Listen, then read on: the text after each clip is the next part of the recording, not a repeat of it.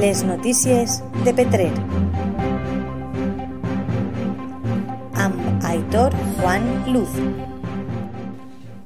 La regidoria de Participació Ciutadana de l'Ajuntament de Petrer ha reactivat la programació dels tallers municipals d'oci i temps lliure, però reduint els grups per tal de complir amb l'aforament.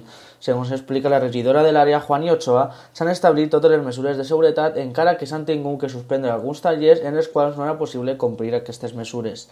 Ochoa recorda que els assistents a aquestes activitats són els inscrits al mes de març i que no van poder disfrutar d'elles pel confinament. Les notícies de Petrer. Amb Aitor Juan Luz.